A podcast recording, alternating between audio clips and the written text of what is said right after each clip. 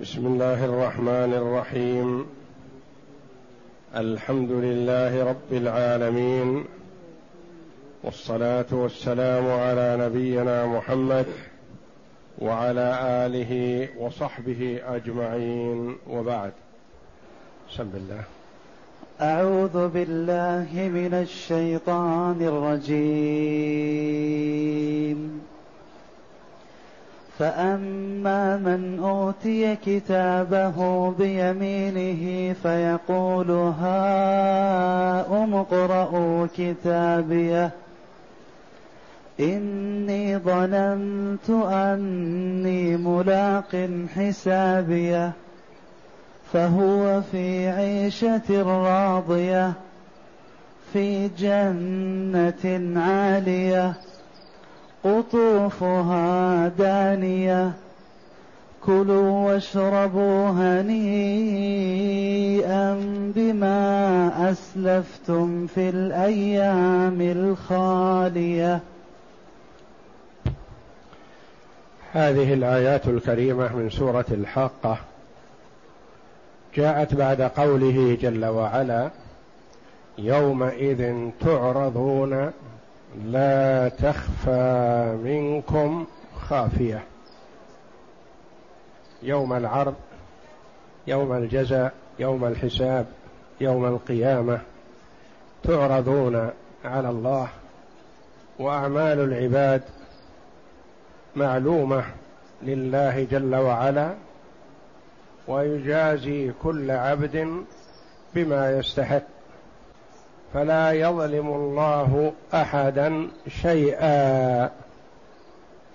يومئذ تعرضون لا تخفى منكم خافية. ثم إن الله جل وعلا فصل وبين ما يحصل بعد هذا العرض. ليكون المرء على بصيرة من أمره.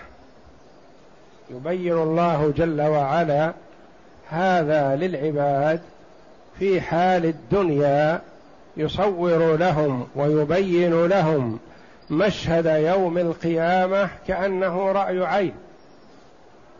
فالعاقل يستعد لهذا اليوم ويأخذ أهبته ويوقن به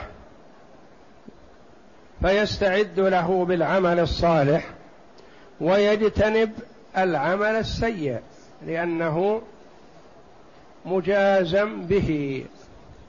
ومن أتبع نفسه هواها وتمنى على الله الأماني يندم حين لا ينفعه الندم ويتأسف ويتمنى الرجعة إلى الدنيا ليعمل صالحا لكن هيهات.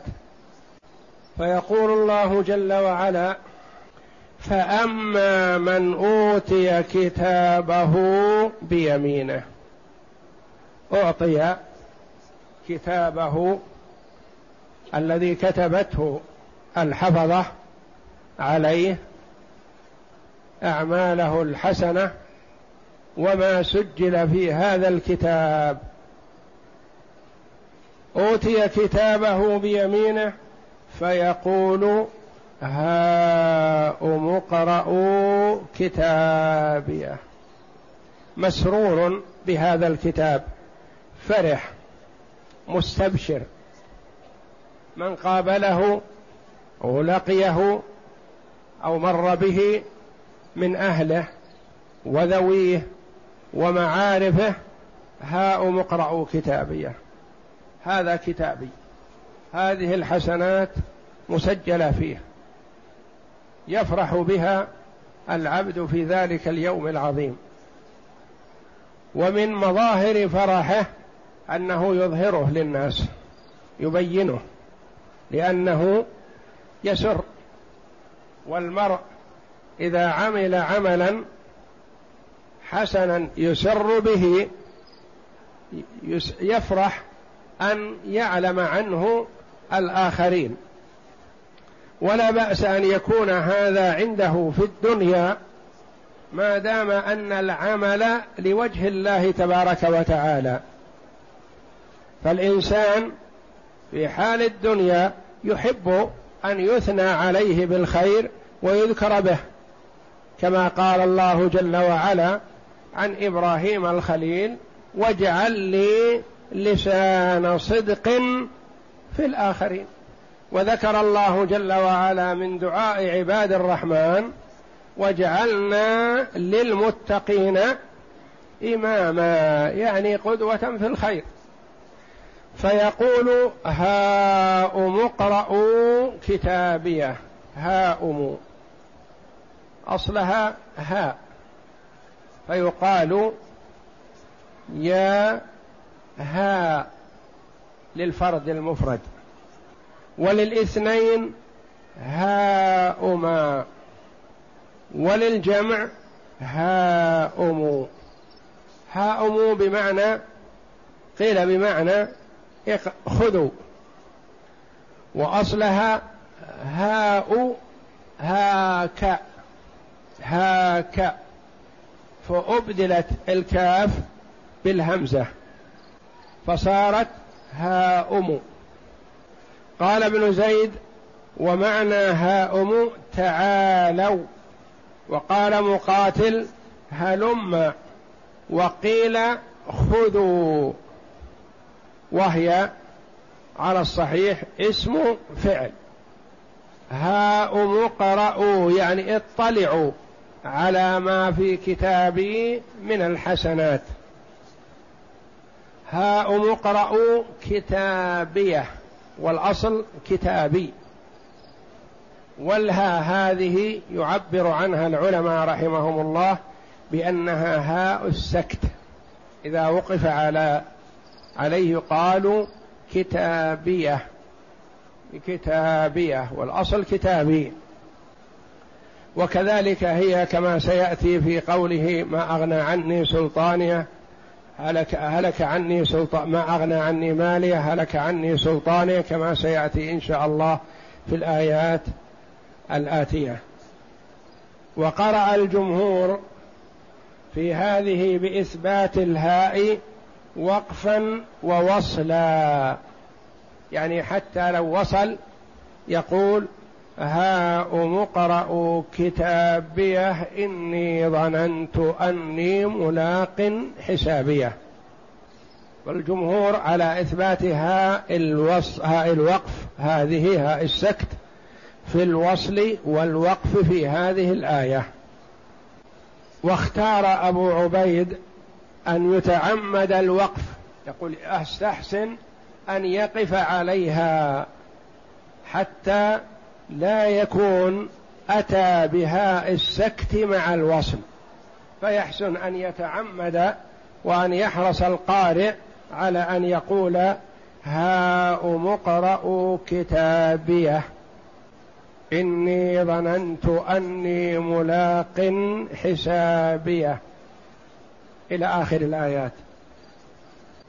وقرأ جماعة من القراء بحذفها وصلا وإثباتها وقفا في جميع هذه الألفاظ.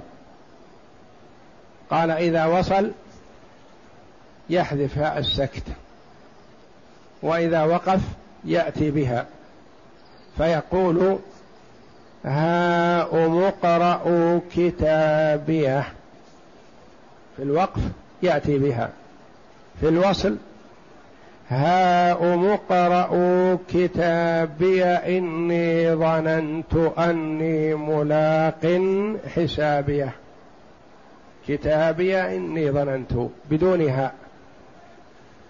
وقرأ جماعة من القراء بحذفها وصلا ووقفا. تحذف هاء السكت هذه في الوصل والوقف. إني ظننت أني ملاق حسابيه. إني ظننت ظن هنا بمعنى أيقنت وعلمت.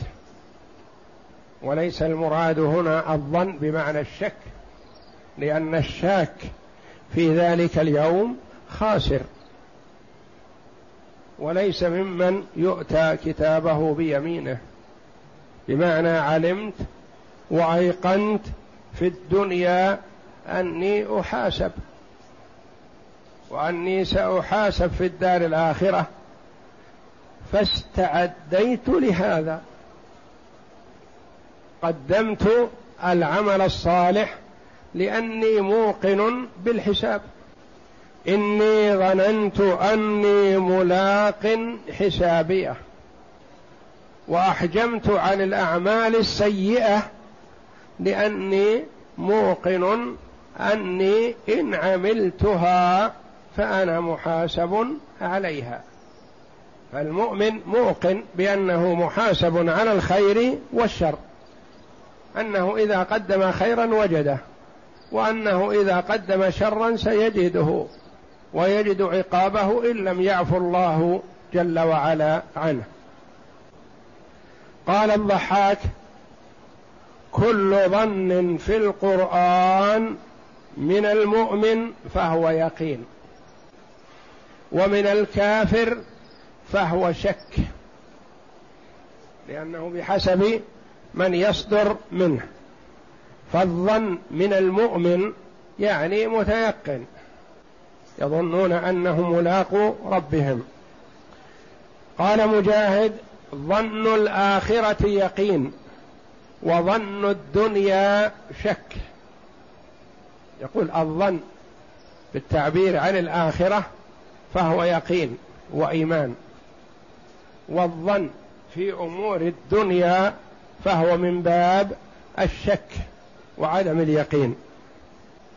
قال الحسن رحمه الله في هذه الآية إن المؤمن أحسن الظن بربه فأحسن العمل للآخرة فوجد الثواب العظيم. المؤمن أحسن الظن بربه فعمل خيرا فوجده. وإن الكافر أساء الظن بربه فأساء العمل. أساء الظن بربه لأنه اعتقد أنه لا يبعث. ولا يحيى بعد الإماتة فأساء الظن بالله جل وعلا فاعتقد عدم قدرة الله جل وعلا على بعثه. والمؤمن أحسن الظن بالله فعمل خيرا. إني ظننت أني ملاق حسابيه. يعني موقن بأني واجد الحساب بعد البعث على ما عملت من خير أو شر.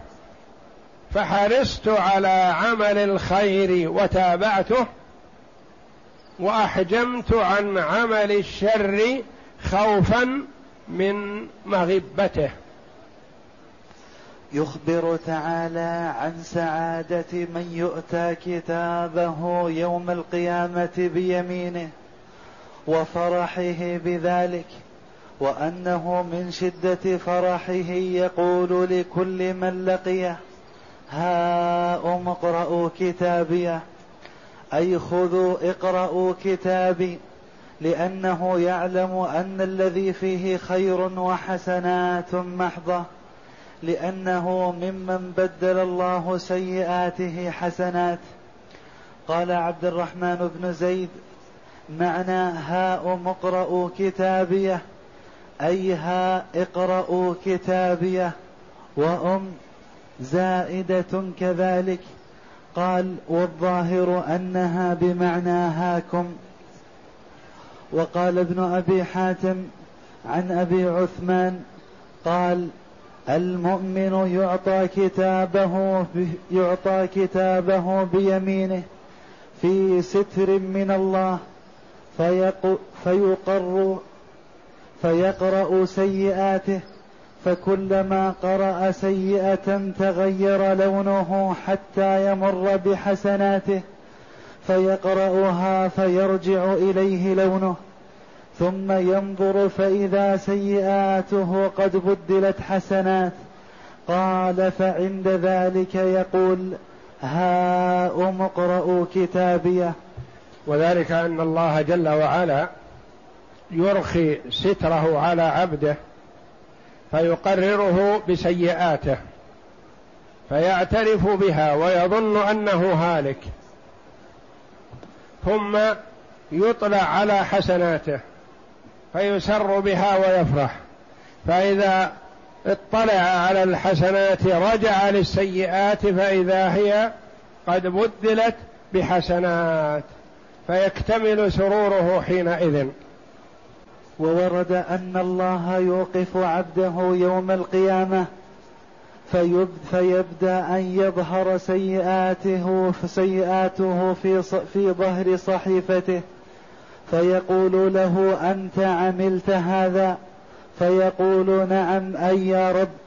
فيقول له إني لم أفضحك به وإني قد غفرت لك. فيقول عند ذلك هاؤم اقرأوا كتابيه. إني ظننت أني ملاق حسابيه. حين نجا من فضيحة يوم القيامة. ثم أخبر جل وعلا بمآل عبده هذا فقال فهو في عيشة راضية في عيشة راضية مرضية مطمئن فيها راض لا يطلب زيادة على ما هو فيه. وذلك أن أهل الجنة كل مسرور بما هو فيه. وكل يظن أنه لا أحد أفضل منه. ولهذا من حكمة الله جل وعلا أن الله جعل الأعلى يزور الأدنى والأدنى لا يزور الأعلى لأن الأعلى إذا زار الأدنى فرأى أن ما عنده أفضل من صاحبه يسر بهذا ويفرح. والأدنى لو زار الأعلى رأى أن عند الأعلى ما ليس منه عنده فيسوءه ولا سوء في الجنة. كل مسرور بما هو فيه ويظن أنه لا أحد أفضل منه. فهو في عيشة راضية أي مرضية يرضى حاله وما هو فيه ولا يطلب زيادة في جنة عالية. في جنة عالية أي مرتفعة حسا أو عالية بمعنى معظمة لها قدر عظيم. والإثنان يجتمعان لأن الجنة درجات وورد أن درجات الجنة مئة. وما بين كل درجة وأخرى كما بين السماء والأرض. في جنة عالية حسا ومعنى. قطوفها دانية. زهورها وجناها وثمارها وفواكهها دانية. يعني مع علو الجنة ثمارها دانية يعني تدنو ممن أرادها ممن هي له فيتناولها قائما ويتناولها جالسا ويتناولها مضطجعا وعلى جنب. تأتي إليه حسب حاله. تدنو ممن أرادها على أي حالة هو. قطوفها ثمارها وجناها دانية قريبة. نعم. فهو في عيشة راضية أي مرضية في جنة عالية أي رفيعة قصورها حسان حورها نعيم دورها دائم حبورها. قال ابن أبي حاتم سأل رجل رسول الله صلى الله عليه وسلم هل يتزاور أهل الجنة؟ قال نعم إنه ليهبط أهل الدرجة العليا إلى أهل الدرجة السفلى فيحيونهم ويسلمون عليهم ولا يستطيع أهل الدرجة السفلى أن يصعدوا إلى الأعلى تقصر بهم أعمالهم. وقد ثبت في الصحيح أن الجنة مئة درجة ما بين كل درجة كما بين السماء والأرض. ثم قال تعالى قطوفها دانية. قال البراء بن عازب أي قريبة يتناولها أحدهم وهو نائم على سريره. كلوا واشربوا هنيئا. بما أسلفتم في الأيام الخالية. يقال لهم كلوا يؤمرون بالأكل. لا أمر تكليف وإنما هو أمر امتنان. كلوا واشربوا هنيئا. المؤمن في الدنيا قد يأكل الاكله ويتلذذ بأكلها لكن إذا زاد فيها تعب فما تكون هنيئا ولا مريئا. يتلذذ بأكلها لكن سرعان ما يتعب منها. أما هناك فيأكل ويشرب ولا يعقبه أي ضرر عليه. كلوا واشربوا هنيئا. فيها الهنا يعني لا تعب فيه ولا يعقبه تخمة ولا شيء من الآلام أو الأوجاع. كلوا واشربوا هنيئا بما أسلفتم. بسبب الباء هنا سببية. بسبب ما أسلفتم ما قدمتم. في الأيام الخالية الأيام الماضية التي ذهبت. ورد أن الصائمين توضع لهم المائدة والناس في عرصات القيامة يلجمهم العرق فيقال للصائمين كلوا واشربوا هنيئا بما أسلفتم في الأيام الخالية. جعلنا الله وإياكم منهم. كلوا واشربوا هنيئا بما أسلفتم بسبب أعمالكم الصالحة في الأيام الخالية. وورد أن النبي صلى الله عليه وسلم قال لن يدخل أحد منكم الجنة بعمله. قالوا ولا أنت يا رسول الله؟ قال ولا أنا إلا أن يتغمدني الله برحمته. اذا ما معنى قوله بما أسلفتم؟ نعم. دخول الجنة لا يقابله شيء لا عمل ولا غيره. ليس العمل ثمنا لدخول الجنة وإنما دخول الجنة برحمة الله جل وعلا. فإذا دخل المرء الجنة تكون منزلته بحسب ما قدم من الأعمال الصالحة.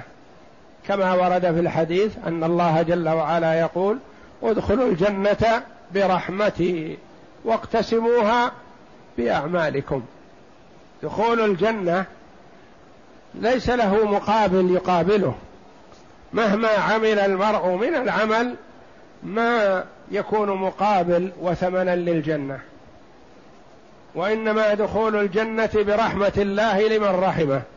ثم منازل الجنة تقسم بين الداخلين بحسب أعمالهم.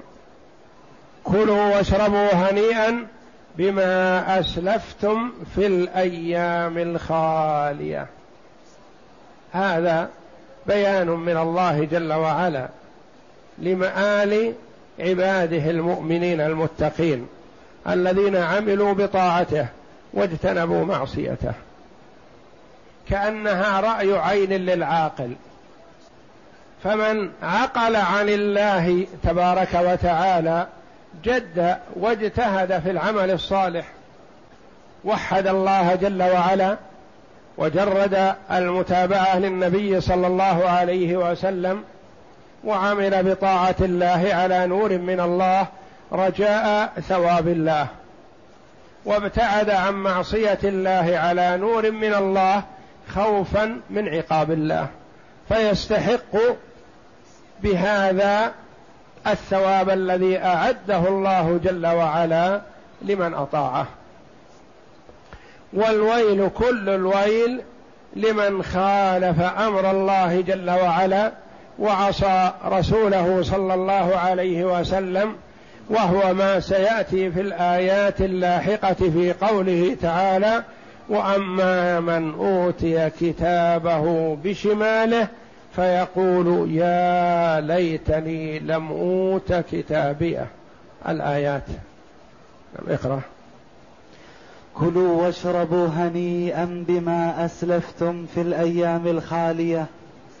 يقال لهم ذلك تفضلا عليهم وامتنانا وانعاما واحسانا. وإلا فقد ثبت في الصحيح عن رسول الله صلى الله عليه وسلم أنه قال اعملوا وسددوا وقاربوا واعلموا أن أحدا منكم لن يدخله عمله الجنة. قالوا ولا أنت يا رسول الله. قال ولا أنا إلا أن يتغمدني الله برحمة منه وفضل. والله أعلم. وصلى الله وسلم وبارك على عبده ورسول نبينا محمد وعلى آله وصحبه أجمعين.